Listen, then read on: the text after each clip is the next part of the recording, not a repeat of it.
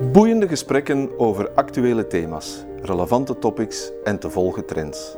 Welkom op de Vlaio podcast waar ondernemers en hun netwerk een stem krijgen, hun plannen vorm en hun ambities een klankbord.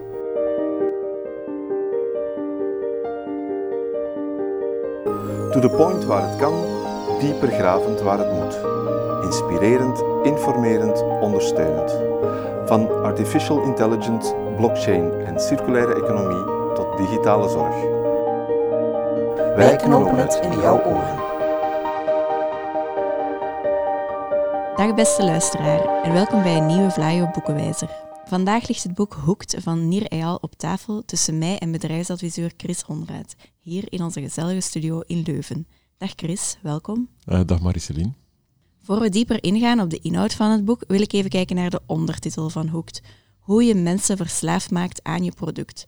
Het lijkt alsof de auteur verslavingen in de hand wil werken met dit boek. Dat moet je toch even kaderen, Chris. Ja, dat is waar. Persoonlijk vind ik dat de Nederlandse subtitel een beetje ongelukkig gekozen is. In het Engels staat er How to Build Habit-Forming Products. Dat vind ik veel gematigder dan Addictive Products, wat het eigenlijk hier zou zijn. En dat raakt eigenlijk ook aan de kern van het boek, want het boek gaat over gewoontes eerder dan over verslavingen. En verslavingen, dat is het negatieve extreem, laat ons zeggen, van gewoontes.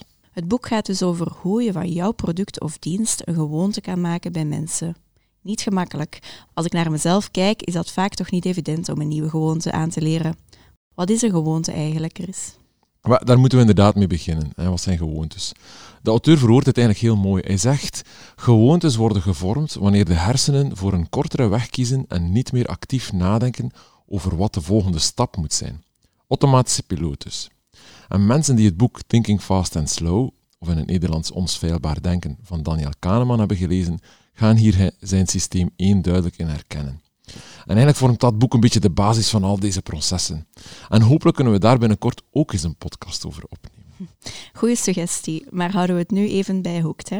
Dus terug over naar gewoontes. Wat zegt de auteur daarover? Gewoontes zijn eigenlijk onbewuste processen, maar je kan die aanleren. En hoe langer je die onderhoudt, hoe moeilijker die opnieuw afgeleerd geraken. En dan komen verslavingen in het extreemgeval uiteraard om de hoek kijken. Nu, anderzijds, gewoontes die je nog maar kort hebt, die raak je ook makkelijk weer kwijt. En denk maar aan het ontsmetten van je handen of het dragen van mondmaskers tijdens de coronaperiode. Wellicht dat je nu niet meer iedere keer als je een winkel binnenstapt denkt, ah, ik heb mijn mondmasker niet aan. Daarvoor was de periode waarschijnlijk niet lang genoeg en zijn we de gewoonte ondertussen weer opnieuw afgeleerd. Oké, dus als ik het goed begrijp, is frequentie belangrijk. Je moet uh, iets vaak en lang genoeg doen voordat het de gewoonte kan worden? Inderdaad, dus een voldoende hoge frequentie is nodig, maar dan niet alleen. Ook het ervaren nut van die gewoonte is cruciaal om van iets een gewoonte te kunnen maken. En hoe hoger dat ervaren nut, hoe minder frequente gewoonte mag voorkomen. Dat compenseert als het ware een beetje de frequentievoorwaarde. Dus iets wat je minder frequent doet, maar een groot ervaren nut heeft, kan ook een gewoonte worden.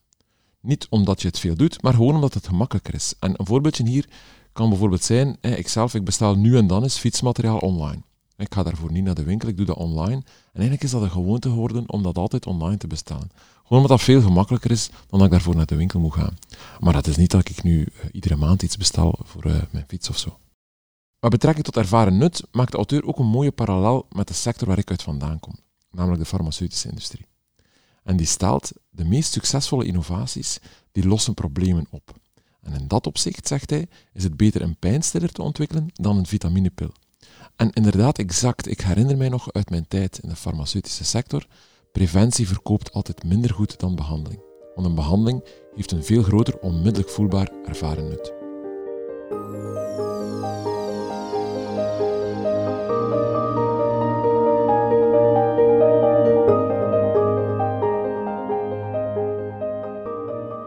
Maar kan dan iets wat je zelden doet, maar heel nuttig is, ook een gewoonte worden? Nee, in het extreme gaat dat niet meer op.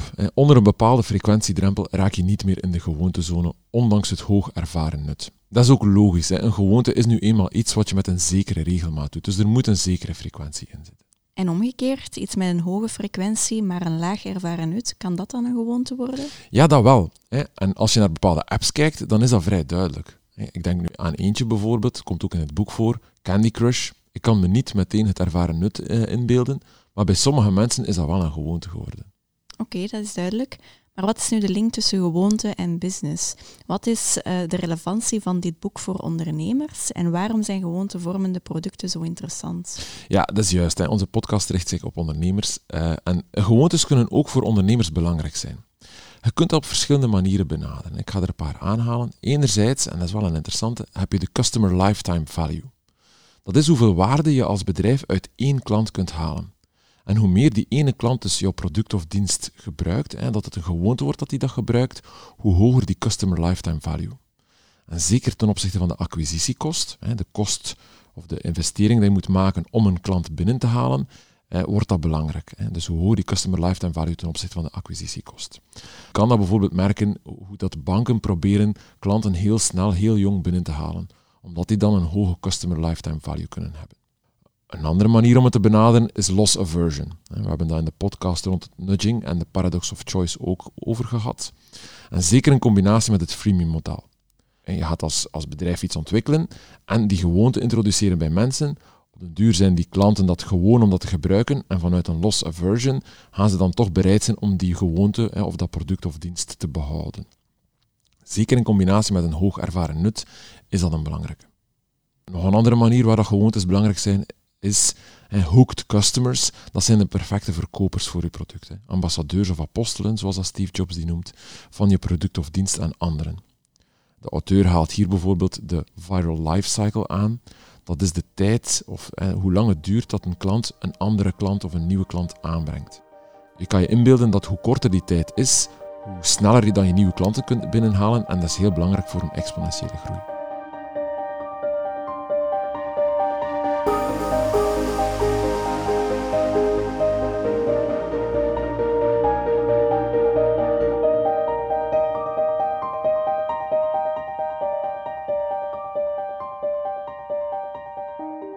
Bedrijfsadviseur begeleid je regelmatig ondernemers. Kan je je een bedrijf voor de geest halen dat erin is geslaagd om een gewoonte te creëren?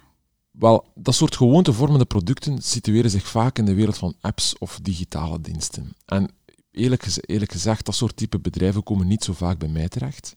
Maar als ik er dan toch eentje moet opgeven, dan zou ik WePlog nemen. Die hebben een app ontwikkeld om te ploggen. Ploggen, dat moet je eens uitleggen. Ploggen komt uit een combinatie van joggen en plokka, wat Zweeds is voor verzamelen. En je gaat dus wandelen of joggen en ondertussen zwerfvuil verzamelen. En WePlog, dat heeft een soort tweezijdig businessmodel ontwikkeld, waarbij dat ze de gratis gebruiker, de plogger, bij die persoon willen ze de gewoonte creëren om de app te gebruiken en nudgen richting ploggen. En de app registreert dan waar er geplogd werd en heeft ook nog een aantal extra andere features, zoals zwerfvuil aangeven waar het ligt die data en features en ook gewoon het opruimen van de straten zijn dan interessant voor de andere kant van het businessmodel, de betalende klant. In dit geval kan dat bijvoorbeeld de gemeente zijn. En bij WePlog is het dus cruciaal dat ze bij hun gratis gebruikers, de ploggers dus, een gewoonte creëren om de app te gebruiken. Mhm, oké. Is dit boek dan enkel nuttig als je digitale producten of diensten ontwikkelt? Ze komen inderdaad vaak voor in combinatie met dat soort diensten, maar ik ben altijd getriggerd om te zien, kan je dat niet ruimer gaan toepassen? En het boek biedt een mooie kapstok om gewoontevormende producten te ontwikkelen. Dus in dat opzicht zeker interessant. En je kan dan proberen toepassen op niet-digitale waardeproposities. En als ik dan moet denken aan andere zaken, denk ik spontaan aan de nieuwe businessmodellen rond abonnementen bijvoorbeeld. Zoals HelloFresh of Browse. En die proberen ook andere gewoontes te introduceren. En niet meer ingrediënten voor je maaltijd kopen in de winkel en dan koken, of niet meer een vloeibaar wasmiddel kopen in de winkel, maar dan ook een abonnement aan die wasstrips zo van Brouws thuis geleverd krijgen. Heb je tips voor ondernemers waar ze kansen voor gewoontevormende producten kunnen vinden? Wel, de auteur geeft aan dat je die best kan vinden bij early adopters. Uh, je kan ook kijken naar enabling technologies en eventueel veranderingen in interface. Hè. Interface dan bijvoorbeeld smartphone, een touchscreen, een camera in de smartphone, dat soort zaken. En om even terug te komen op de voorbeelden van Browse en HelloFresh, die kunnen er dan komen omdat de enabling technologies zoals een intelligente logistieke software of een grote vloot van pakjesbezorgers die nu rondrijdt, uh, er zijn. En ook dat er early adopters zijn. Mensen die gewoon zijn om dingen in abonnementsformules te gaan steken en proberen, in plaats van dat gewoon ad hoc te gaan halen in de winkel. Het is duidelijk dat het interessant is om van je product een gewoonte te maken, maar hoe creëer je nu gewoontes en hoeveel tijd is er daarvoor nodig? Maar hoe snel je een gewoonte aanleert, is moeilijk om in het algemeen te voorspellen. En dat kan soms in enkele weken, maar dat kan ook meerdere maanden duren. En denk maar aan hoe snel we het gewoon waren om mondmaskers inderdaad te dragen, of onze handen te ontsmetten. Het hangt van verschillende factoren af, en zoals de auteur het aangeeft, dat kan zijn complexiteit van het gedrag, het belang van de gewoonte en de frequentie waar we het al over hadden. Dus het is moeilijk op voorhand te voorspellen. En om even terug te komen op het voorbeeld van HelloFresh, dat is toch wel een vrij complexe handeling. Hè? Want het komt bovenop het regulier winkelen, want je hebt nog altijd andere zaken nodig die niet voeding gerelateerd zijn. En ja, niet alle maaltijden zijn afgedekt via HelloFresh. Het introduceert ook een andere manier van koken, aan de hand van recepten, gerechten die je niet kent. Dus daarom ook, je ziet, HelloFresh timmert nog altijd aan de weg om dit als een gewoonte te introduceren. Dus het kan wel wat langer duren. Hoe je gewoontes creëert daarentegen, daar gaat het boek uh, vooral over. En dat wordt in verschillende stappen opgedeeld. Laten we dan eens naar die stappen kijken. De auteur heeft een model uitgewerkt om gewoontevormende technologieën te ontwikkelen. Hoe ziet dat model eruit? De auteur spreekt over het hooked-model. En dat bestaat uit vier fases. De eerste fase, een trigger, dat is de aanzet, zoals het rode bolletje op je app van je smartphone, die aanzetten tot actie. Dat is de volgende fase, de actiefase. Je klikt, iets opent, je gaat naar een site, er gebeurt iets. En dat resulteert dan in de derde fase, de variabele beloning. Je ziet iets onverwachts, kan superpositief zijn, neutraal of zelfs negatief. Je weet niet wat er zal komen en die onzekerheid, die anticipatie, dat werkt. En finaal leidt dat tot de laatste fase in het model, de investering. Je gaat er iets mee doen, je voegt iets toe, een like, een share of een kudo, waardoor je investeert in die post of bericht. En daardoor krijg je misschien nadien een betere feed, meer respons van anderen, respons die dan op hun beurt weer triggers zijn. Waardoor je de cyclus weer gaat doorlopen. En zo moet je dat model ook zien, als een cirkel. Hè. Trigger, actie, variabele beloning, investering, dan weer trigger, actie, enzovoort. En die cycli veel, veel, veel naar elkaar doorlopen, resulteert finaal in een gewoonte.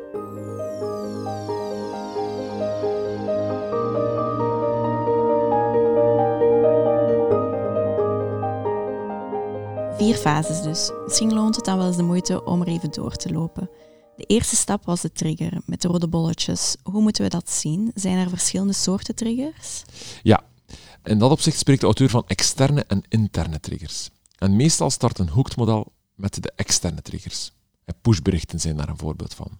Ik krijg bijvoorbeeld regelmatig op LinkedIn uitnodigingen om bedrijven hun LinkedIn-pagina te volgen. En dat triggert me niet alleen om die te volgen, maar ook gewoon om naar het platform te gaan en daar eventueel andere acties te gaan verrichten. Een trigger moet dus aanzetten tot actie. Inderdaad, het moet leiden tot een call to action. En die is idealitair zo eenvoudig mogelijk. Denk aan uh, de podcast rond nudging. Vereenvoudiging is zeer belangrijk. Die invite om LinkedIn-pagina's te volgen bijvoorbeeld, dat komt binnen, dat is een e-mail, maar er zit meteen een knop in die me naar de juiste plaats op LinkedIn brengt. Denk ook aan de podcast rond Paradox of Choice, biedt ook niet te veel keuzes aan en dan eentje zo voldoende cycli van het model hebt doorlopen, zal je merken dat er geen externe triggers niet meer nodig zijn.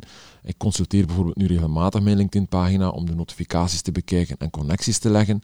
Het is als het ware een interne trigger geworden, een gewoonte.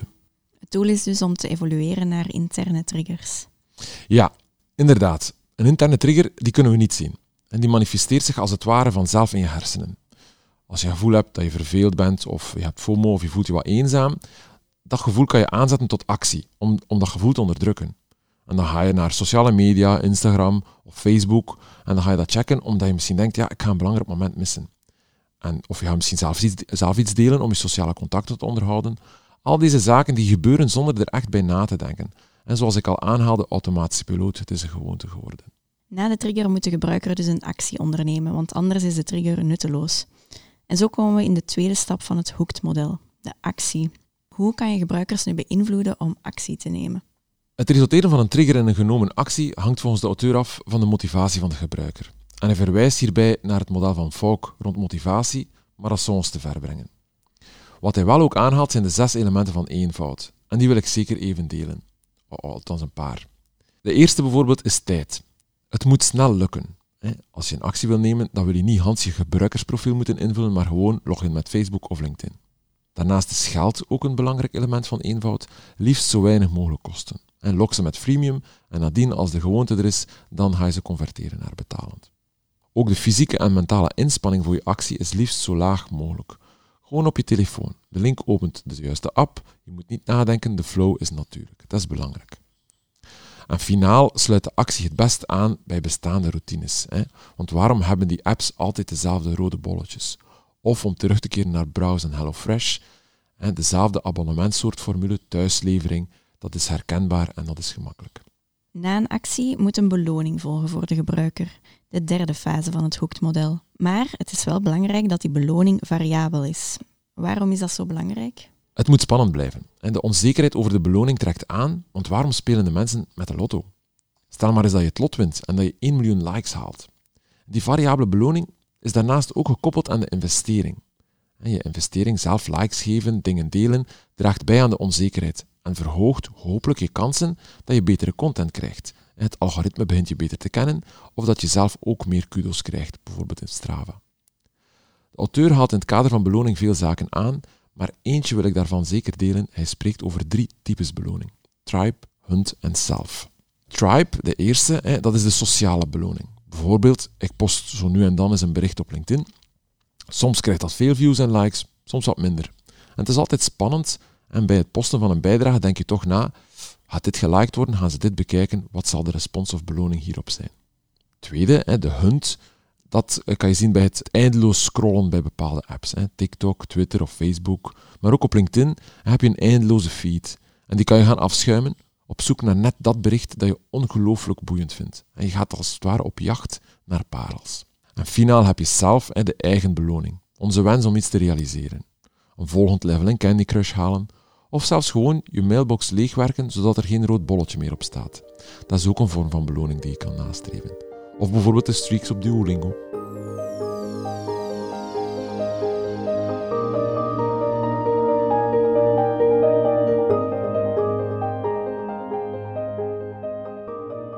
Dan komen we tot de laatste fase, de investering.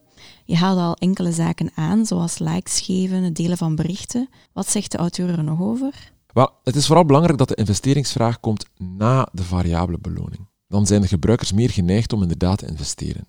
Eerst zie je de filmpjes, daarna geef je de likes of ga je delen. Of bij het verlaten van de app wordt er je nog gevraagd op de valreep of je nog mensen wil volgen. Die investering leidt ook niet tot een onmiddellijke beloning zoals de actie dat wel doet, maar heeft een uitgesteld effect. Het algoritme wordt beter, of je content gaat beter worden, of je gaat zelf meer likes krijgen. En soms wordt in de investeringsfase ook de kiem gelegd voor de latere trigger. Een comment of like triggert een like of een comment van iemand anders. En dat is weer een trigger voor jou. Het IKEA-effect past ook mooi in deze fase. Ja, dat was inderdaad een interessante invalshoek met betrekking tot investering. Het IKEA-effect of labor leads to love vond ik ook een mooie uitdrukking. Kort gezegd, door het feit dat je een IKEA-meubel zelf in elkaar steekt, hebt er dus tijd in geïnvesteerd, ga je het meubel achteraf hoger waarderen dan de aankoopwaarde zelf. Dat komt in deze hoekmodellen ook naar voren. Doordat je de cyclus steeds meer doorloopt en ook de stakens investeert, gaat de waarde van die gewoonte of dat proces ook toenemen. Tot op een bepaald niveau dat hier een financiële waarde tegenover staat. Want je hebt er nu eenmaal zoveel tijd in gestoken, dan moet het nu toch ook wel veel waard zijn. En dat is het moment waarop je je klant van freemium naar betalend kunt tillen. Interessant. Oké Chris, nu je meer hebt gelezen over deze fases en je kijkt terug naar de ondernemers die je de voorbije maanden hebt begeleid, zie je dan dat ze die fases toepassen of wijs je hen er zelf ook op? Eerlijk gezegd, Mariceline, ik heb het boek nog niet zo lang geleden gelezen. En dat was eigenlijk naar aanleiding van een interne workshop waar het aan bod kwam. Maar het is zeker iets wat ik meeneem naar de toekomst toe. En het sluit ook mooi aan bij de andere podcasts die we al hadden rond nudging en de paradox of choice. Over hoe psychologische processen een rol spelen bij je klanten en hoe je daar als bedrijf op kunt inspelen. Zeker de moeite om eens te beluisteren, die podcast. Nu, het boek draait om het ontwikkelen van gewoontevormende technologieën, producten of diensten. Je wil daarbij het gedrag van anderen veranderen. Dan komt het woord manipulatie al snel om de hoek kijken. Is het nodig om een ethische gedragscode op te stellen? De auteur reikt in dat verband een manipulatiematrix aan, die ondernemers kunnen raadplegen om beslissingen te nemen voor ze een product of dienst ontwikkelen, gericht op gewoontevorming. Maar let op, zonder dat de auteurs zich uitspreken over goed of kwaad. Maar als je een beetje tussen de lijntjes doorleest, zie je dat er wel in, in die matrix. En het werkt als volgt. Je stelt je als onderneming, en met betrekking tot dienst die ontwikkelt gericht op gewoontes, twee vragen. De eerste vraag is, zou ik het product zelf gebruiken? De tweede vraag is, zal het product de gebruikers helpen hun levens in materiële zin te verbeteren? En op basis van ja of nee per vraag heb je vier kwadranten. Die vier kwadranten zijn, ik gebruik hier de Engelse termen, de peddler of verkoper, de facilitator, de dealer en de entertainer. Ik haal er de twee extremen uit. Als je twee keer ja hebt, dus dat je het zelf zou gebruiken en het heeft een uh, verbetering van de gebruikers in materiële zin, dan heb je de facilitator. Dan kan je bijvoorbeeld Weplog inplaatsen. Als je twee keer nee hebt, hè, je gaat het zelf niet gebruiken en je gaat de gebruikers ook niet helpen hun leven te verbeteren, dan heb je de dealer. En daar kan je misschien Candy Crush in plaatsen. We hebben nu alle fases doorlopen. Staan er nog zaken in het boek die de moeite waard zijn voor ondernemers om het boek te lezen? Absoluut, absoluut. Ik heb maar het topje van de ijsberg meegegeven. Per fase gaat de auteur nog veel dieper in op methodieken, zoals de 5 times why methode om de juiste trigger te vinden, of het Vogt behavior model eh, rond acties en hoe je de maximale kans op actie kunt verhogen. En er is ook nog een erg interessant stuk rond gewoontes testen en hoe je gewoontevormende kansen kunt detecteren aan de hand van een soort lean aanpak. Kortom, het loont zeker de moeite om het boek zelf ter hand te nemen en te gaan toepassen op jouw business. Het is erg helder opgebouwd en na ieder hoofdstuk staan er key takeaways en vooral een doe dit nu sectie met een aantal tips en, en hints waarmee je direct praktisch aan de slag kunt gaan. Bedankt Chris om deze inzichten met ons te delen. Zeker voor starters die op het punt staan om een innovatie te ontwikkelen, lijkt dit een interessant model te zijn om mee aan de slag te gaan. En een goede tip daarbij is om steeds die manipulatiematrix voor ogen te houden. Inderdaad. Wil jij een gewoontevormend product of dienst ontwikkelen of wil je gewoon graag jouw businessmodel of innovatieplannen onder de loep nemen met een Vlaio bedrijfsadviseur? Ga dan naar www.vlaio.be en maak een afspraak.